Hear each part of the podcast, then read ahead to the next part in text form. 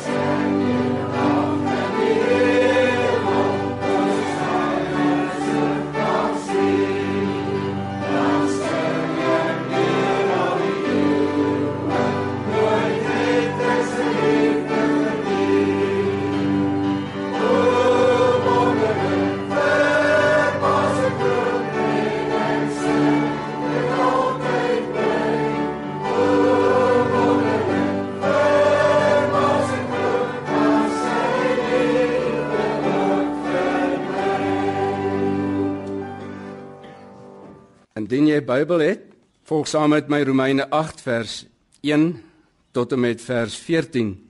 Daar is dan nou geen veroordeling vir die wat in Christus Jesus is nie, vir die wat nie na die vlees wandel nie, maar na die Gees. Want die wet van die Gees van die lewe in Christus Jesus het my vrygemaak van die wet van die sonde en die dood. Want God het wat vir die wet onmoontlik was omdat dit kragteloos was deur die vlees deur sy eie seun in die gelykheid van die sondige vlees te stuur en dit ter wille van die sonde die sonde veroordeel in die vlees sodat die reg van die wet vervul kan word in ons wat nie na die vlees wandel nie maar na die gees. Want die wat vleeslik is bedink vleeslike dinge maar die wat geestelik is geestelike dinge. Want wat die vlees bedink is die dood maar wat die gees bedink is lewe en vrede.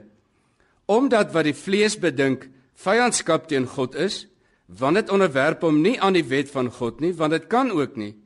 En die wat in die vlees is, kan God nie behaag nie. Julle is egter nie in die vlees nie, maar in die gees, as naamlik die gees van God in julle woon. Maar as iemand die gees van Christus nie het nie, die behoort nie aan hom nie. Maar as Christus in julle is, dan is die liggaam dood vanweë die sonde, maar die gees is lewe vanweë die geregtigheid. En as die gees van hom wat Jesus uit die dode opgewek het in julle woon, dan sal hy wat Christus uit die dode opgewek het, ook julle sterflike liggame lewend maak deur sy gees wat in julle woon. Daarom dan broeders, is ons skuldenaars nie aan die vlees om na die vlees te lewe nie, Want as julle na die vlees lewe, sal julle sterwe. Maar as julle deur die gees die werke van die liggaam doodmaak, sal julle lewe. Want almal wat deur die gees van God gelei word, die is kinders van God. Soos ek nou-nou gesê het, praat ek nou oor die noodsaaklikheid van geestelike groei. Dit is uiters noodsaaklik om die globale prentjie van ons doelgerigte redding as kinders van God te besef. Oorhoofs is ons hoofdoelwit natuurlik om God te verheerlik en tweedens om Christus gelykvormig te word. Wat dan as hierdie hoofdoelwit betref, skryf die apostel Paulus in 1 Korinte 6 vers 20 want julle is duur gekoop. Verheerlik God dan in julle liggaam en in julle gees wat aan God behoort. En tweedens is dit die oproep tot Christus gelykvormigheid saamgevat in Paulus se brief aan die Romeine in Romeine 12 vers 1 en 2. En daar staan ek vermaan julle dan broeders by die ontferminge van God dat julle julle liggame stel as 'n lewende, heilige en aan God welgevallige offer. Dit is julle redelike godsdiens. En word nie aan hierdie wêreld gelykvormig nie, maar word verander deur die vernuwing van julle gemoed sodat julle kan beproef wat die goeie en welgevallige en volmaakte wil van God is. Nou om dan hierdie opdrag tot geestelike groei te kan realiseer, vereis persoonlike verantwoordelikheid. Nou hierdie persoonlike deelname word ondersteun en bekragtig deur die inwoning natuurlik van die Heilige Gees. Die vraag is nou, hoe realiseer dit in elke Christen se lewe? In vers 2 lees ons maar word verander deur die vernuwing van julle gemoed. 'n Persoonlike opdrag. Die nuwe vertaling beskryf dit bietjie duideliker, naamlik laat God julle verander deur julle denke te vernuwe. Kan julle sien hier's 'n persoonlike verantwoordelikheid. Nou die Bybel is dis baie eksplisiet dat ons denke die kanaal is waardeur ons geestelike groei plaasvind. Om die onbeperkte omvang van ons kapasiteit te probeer verduidelik, wil ek dit doen aan die hand van God se skepingswonder. Nou ek het 'n tydjie terug gelees in 'n boek Ken Hughes en in sy boek uh, The Disciplines of a Godly Man skryf hy hierdie pragtige onderwerp as volg: Die komplekse kapasiteit van die menslike brein is 'n ewig groeiende wetenskaplike wonder. Sy 12 tot 14 biljoen selle is maar net 'n skadu van die kompleksiteit.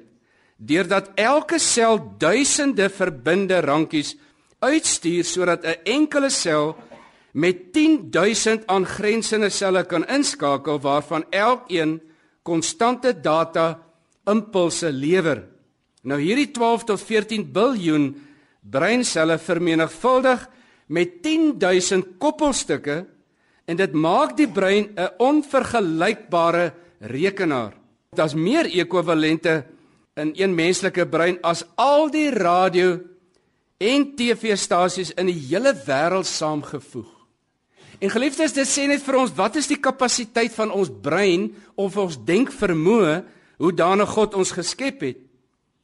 Ek noem dit vir julle eerstens dat julle die grootheid van God kan besef en tweedens hoe onbeperkte genade en kapasiteit hy vir ons gegee het waarin on ons kan groei tot sy eer om hom sodanig te kan dien en hom te verheerlik.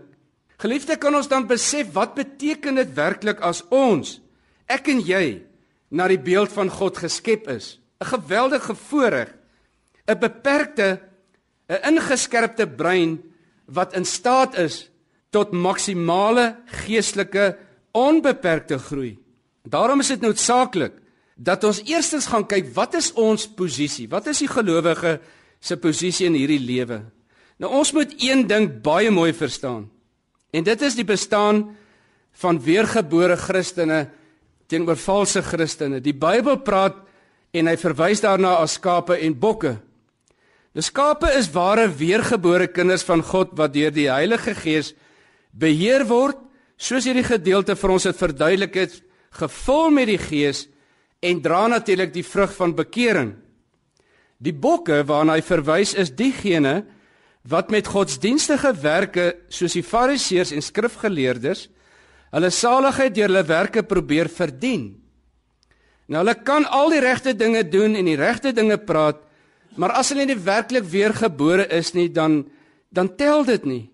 Daar is dus volgens die Bybel ware en valse Christene.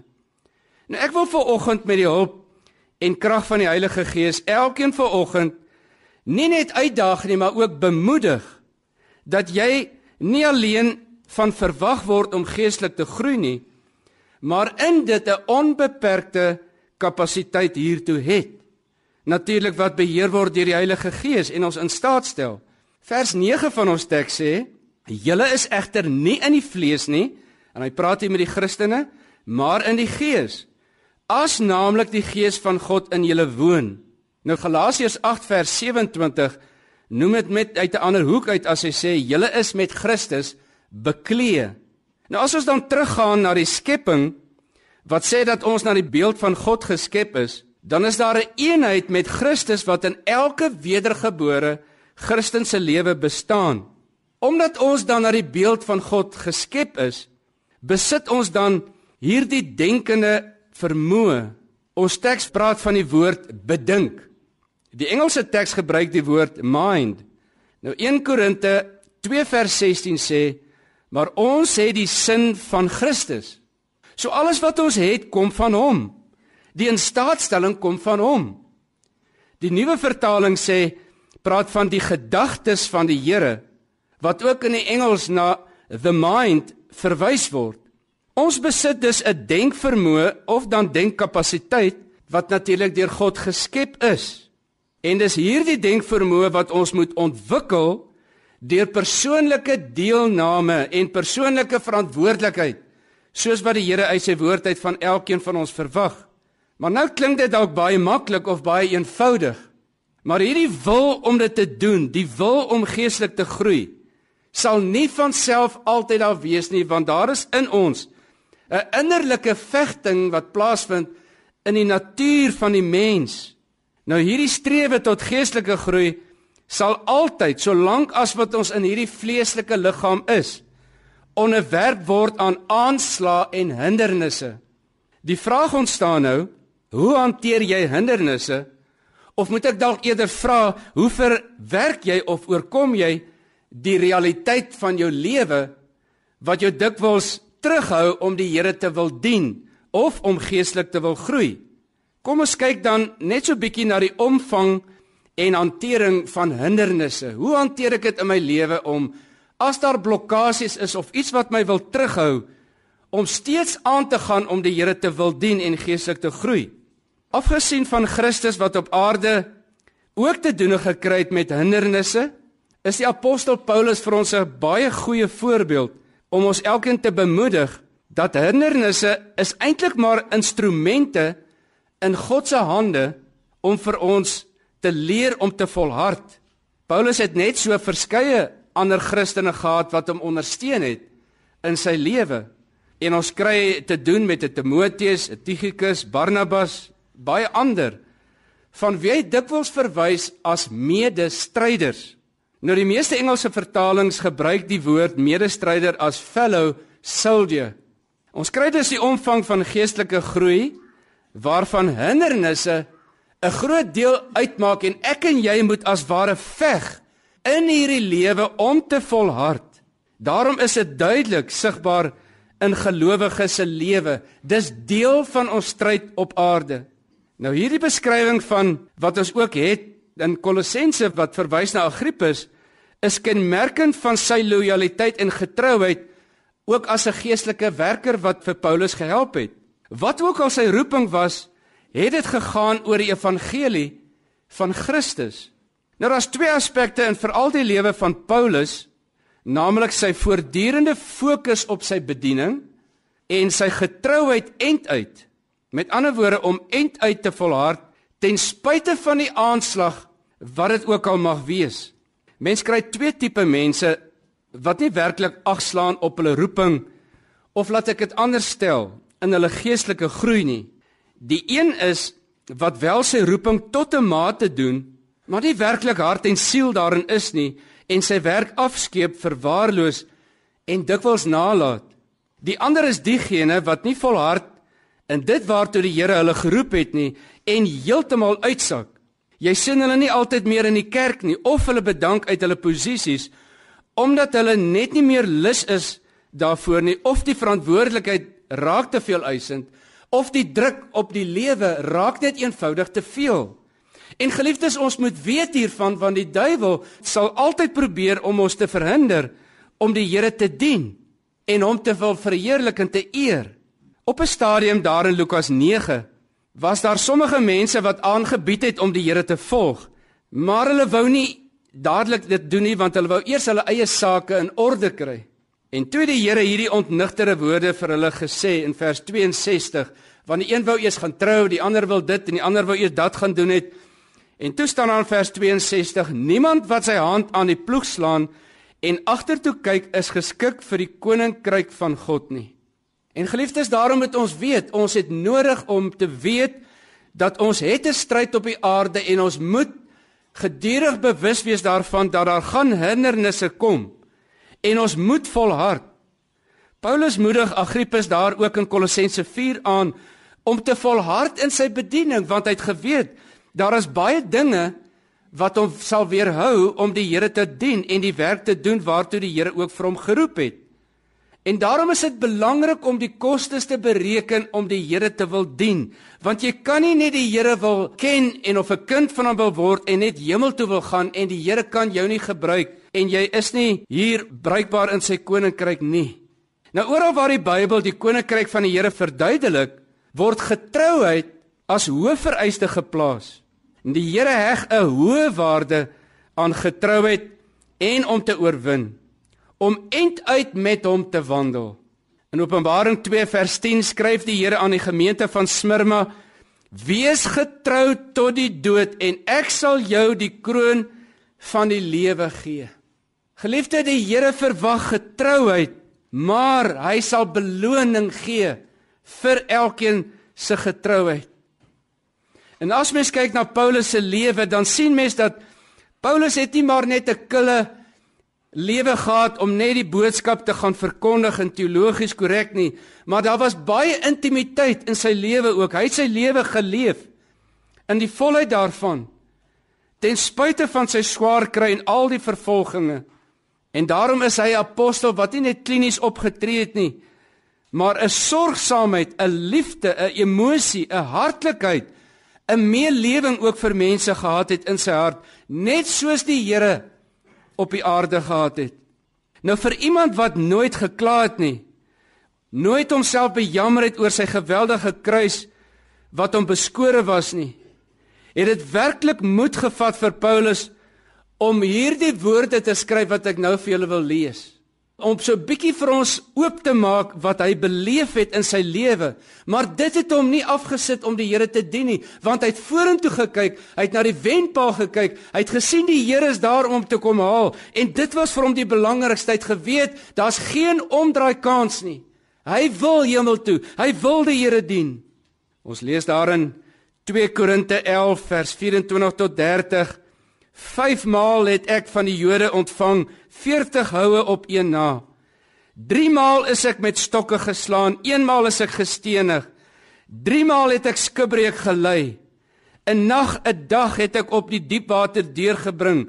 Dikwels op reis in gevare van riviere, in gevare van rowers, in gevare van my volk, in gevare van die heidene, in gevare in die stad, in gevare in die woestyn en gevaar op die see onder valse broeders in arbeid en moeite in slapelose nagte dikwels in honger en dors. Dikwels sonder ete in koue en naaktheid. Behalwe dit alles my daaglikse bekommernis die sorg vir al die gemeentes. Wie is swak en ek is nie swak nie. Aan wie word 'n struikelblok in die weg gelê en ek is nie aan die brand nie? As daar geroem moet word sal ek in my swakhede roem. Kan nie verstaan wat ek sê. Hoe iemand wat nooit gekla het nie hierdie dinge deurwerk het omdat die Here vir hom alles in sy lewe was en hy het geweet daar's 'n prys om te betaal om die Here te dien en te volg. En dan beskryf hy sy hantering en beskouing van dit alles as volg in 2 Korintiërs 4 vers 8 tot en vers 10. In alles word ons verdruk, maar ons is nie te neergedruk nie.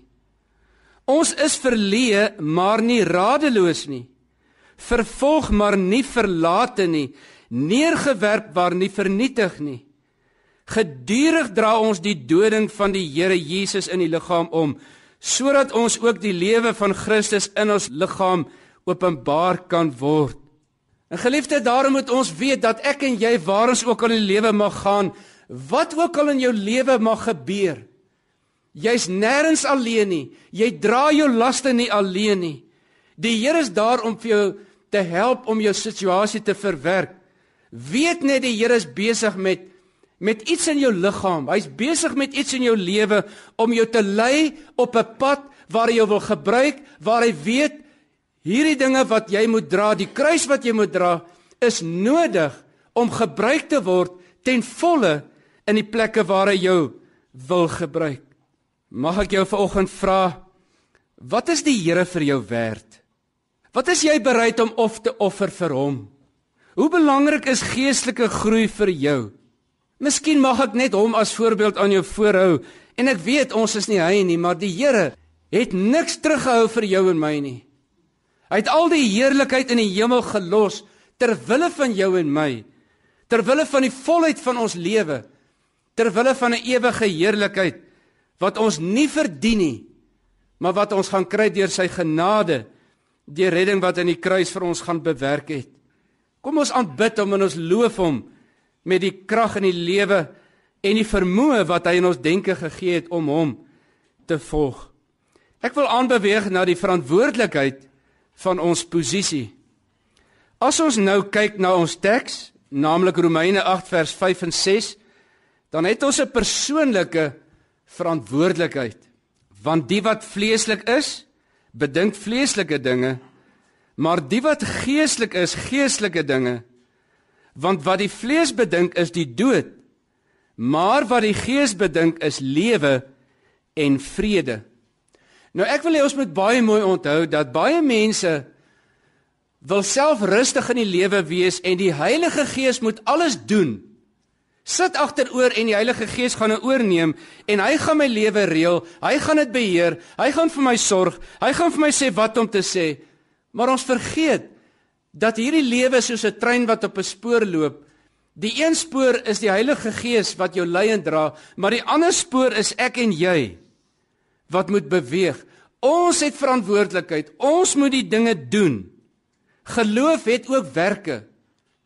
Maar die Heilige Gees gaan ons daarin help. Maar die Heilige Gees kan niks neem en niks doen as ek en jy dit nie vir hom bied en beskikbaar is om deur hom gebruik te word nie.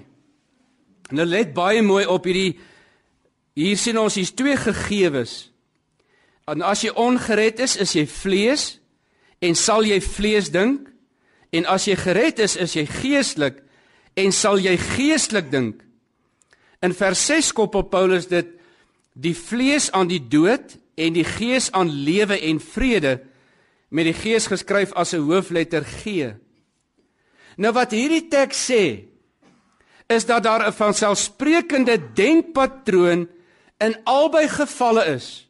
Vlees teenoor gees en dood teenoor lewe.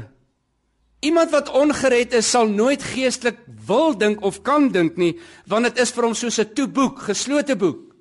Maar vir die Christen gaan alles oor die geestelike dinge wat die Heilige Gees in jou werk om aan te wil dink. En die wonder daarvan is hy sal jou altyd daardie vermoë gee en daardie wil gee om geestelik te wil dink, maar ek en jy moet dit steeds doen want dis 'n werkwoord as die Here vir ons sê bedink. Met ander woorde, die Bybel praat hier van iets wat wel bestaan as ingeplant of geskep en ook iets wat ons persoonlik moet doen. En daarom het ek en jy die verantwoordelikheid. Ek het reg aan die begin gesê, ons het 'n kapasiteit wat onbeperk is. En daai kapasiteit het die Here vir ons gegee en ons moet dit benut en ons moet hierin groei. Daar is 'n 'n legio van voorbeelde wat die Here vir ons wil gee in die lewe wat ons alreeds in die Bybel sien, hoe daane God mense gebruik het. Nou wanneer ons dan hierdie opdrag van om te dink koppel aan Romeine 12 vers 2 waar Paulus ons leefwyse beskryf dan sê hy en word nie hier is weer 'n persoonlike verantwoordelikheid word nie aan hierdie wêreld gelykvormig nie maar word verander deur die vernuwing van julle gemoed sodat julle kan beproef wat die goeie en welgevallige en volmaakte wil van God is Wat so treffend in hierdie teks is is dat ons kan sien hier beide God se verantwoordelikheid en jou en my se verantwoordelikheid. Ons moet verander word deur sy instaatstelling, maar ek en jy moet dit toepas en hierna gaan strewe. God het ons uh, as gelowiges 'n bodemlose put gegee van die rykdom van sy koninkryk en ek en jy moet dit ontwikkel. Ek en jy moet dit gaan delwe uit die Bybel. Die Bybel het al die rykdom van die grootheid van God. Al ons pligte, al ons verantwoordelikhede, al die dinge waarteen ons moet waak. Al ons besluite wat ons moet neem in hierdie lewe. Ons hele lewe is in die Bybel uiteengesit en ek en jy het die verantwoordelikheid om dit te gaan navors en daarna te gaan delf. Efesiërs 4 vers 23 sê vir ons dat jy vernuwe moet word in die gees van julle gemoed. Paulus praat hier van die denkvermoë. As hy hierdie versie verduidelik, praat van die gees van julle gemoed. En as ons vernuwe moet word, beteken dit ons moet verander word. Ons moet daagliks hierin groei en ons moet toeneem. Ons moenie stagneer in die plek waar ons begin het by ons bekering nie. God het ons as gelowiges dus so geseënd met wat hy vir ons gegee het. En die laaste teks wat ek hier wil aanhaal is in 1 Petrus 2 vers 2. En kyk net na die intensiteit wat die apostel Petrus hier aan gelowiges voorhou. As hy sê verlang sterk soos pasgebore kindertjies na die onvervalste melk van die woord dat jy daardeur kan opgroei. Daarom is dit so belangrik dat ons moet weet dat ek en jy moet eintlik die woord opeet. Ons moet dit daagliks koester. Ons moet dit bestudeer. Jy moet dit gaan naslaan. Jy moet tekste memoriseer. Want dit is wat die Bybel sê en en die intensiteit van jou en my moet van sodanige aard wees dat ons 'n strewe het om te wil groei, om meer en meer te word soos Jesus. En dit gaan ons uit sy woord alleen kan kry. Nou om hierdie opdrag tot geestelike groei saam te vat, beteken dit dat jy het die inwonende inspirasie, leiding en krag van die Heilige Gees, ook die woord van God as bestanddeel vir jou geestelike groei en jou onbeperkte denkvermoë as die houer van hierdie geestelike saad waardeur jy groei. Sodra jy dan besig is op hierdie avontuur tog, wil ek dan nou kom en jou aandag vestig op wat is die gevolge van jou posisie, die plek waar die Here vir jou geplaas het en jou geroep het in hierdie lewe. Vers 13 sê vir ons: Want as julle na die vlees lewe, sal julle sterwe. Maar as julle deur die Gees die werke van die liggaam doodmaak, sal julle lewe. En ek wil hier baie duidelik net vir ons sê wat die apostel Paulus hier bedoel is dat jy sal nie fisies nou hier doodgaan as jy na die vlees lewe nie. Die dood waarna Paulus hier verwys is die ewige dood in die hel. Met ander woorde, dit is 'n geestelike dood. 'n dood sonder God, 'n dood om vir ewig afgesny te wees van die heerlikheid van God. En aan die ander kant as hy praat van die lewe deur die Gees, dan praat hy van 'n ewige lewe, 'n lewe wat saam met die Here gaan vir ewig. Wat in hierdie lewe by weergeboorte begin, wat in die koninkryk van die Here eendag in die hemele vir ewig en altyd saam met hom sal voortgaan. En dit is wat lewe is, want daar sal lewe in die volle sin van die woord in sy volheid vir ons almal gegee word waarin ons gaan onsself geniet en ons uitleef saam met die Here, saam met sy engele en almal wat eendag in die hemel gaan wees. Nou die Bybel gee vir ons net twee weë. Daar's geen middeweg wat die Bybel ken nie. En die een is wat ek nou bespreek het wat lei tot die dood en die ander een tot die lewe. Die vleeslike lewe het alles te maak met dit wat bots teen die geestelike voedsel. Alles wat jou weghou van die Here en sy belange. En die gevaar hierin is geliefdes, dis hoekom die Here hier gepraat het van as die Gees in julle woon, want as die Gees, die Heilige Gees wat daardie wil, daardie drang, daardie vuur in jou plaas om die Here te wil dien, om te wil geestelik groei. En as jy hom nie ken nie, dan is daar niks wat jou hierdie vuur gaan plaas in jou lewe nie.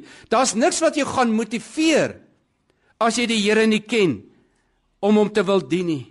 En alles wat so iemand wil doen, gaan alles stelselmatig aangeplak wees. Dit gaan aards wees. Dit gaan alles beperk wees in dit wat hy doen. Alles kunsmatig.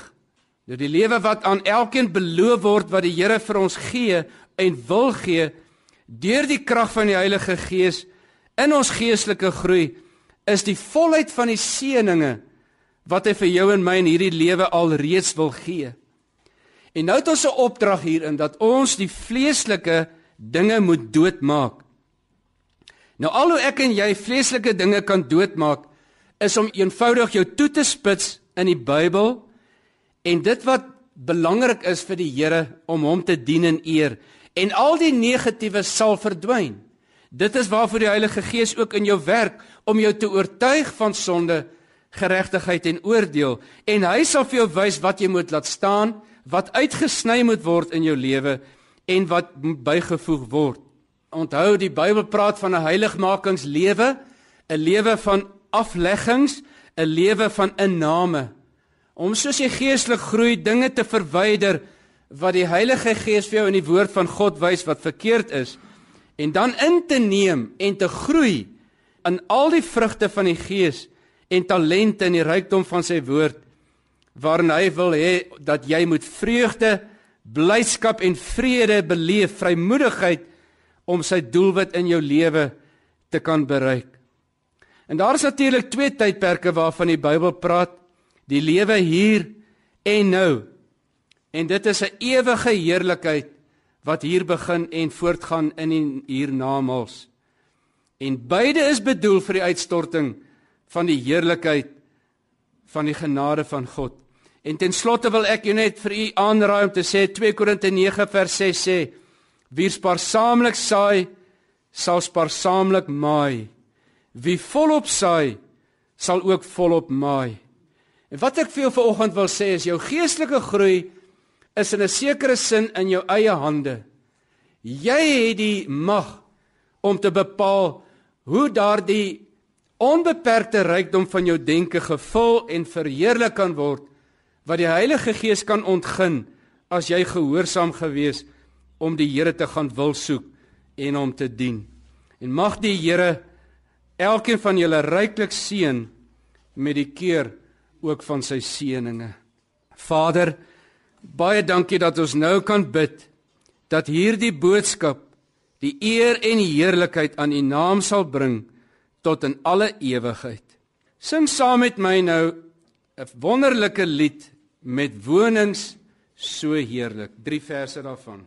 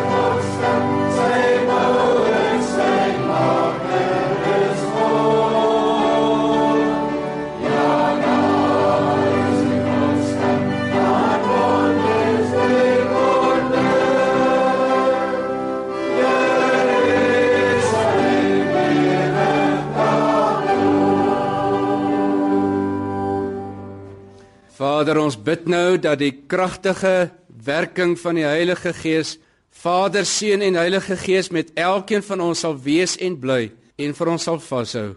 Amen.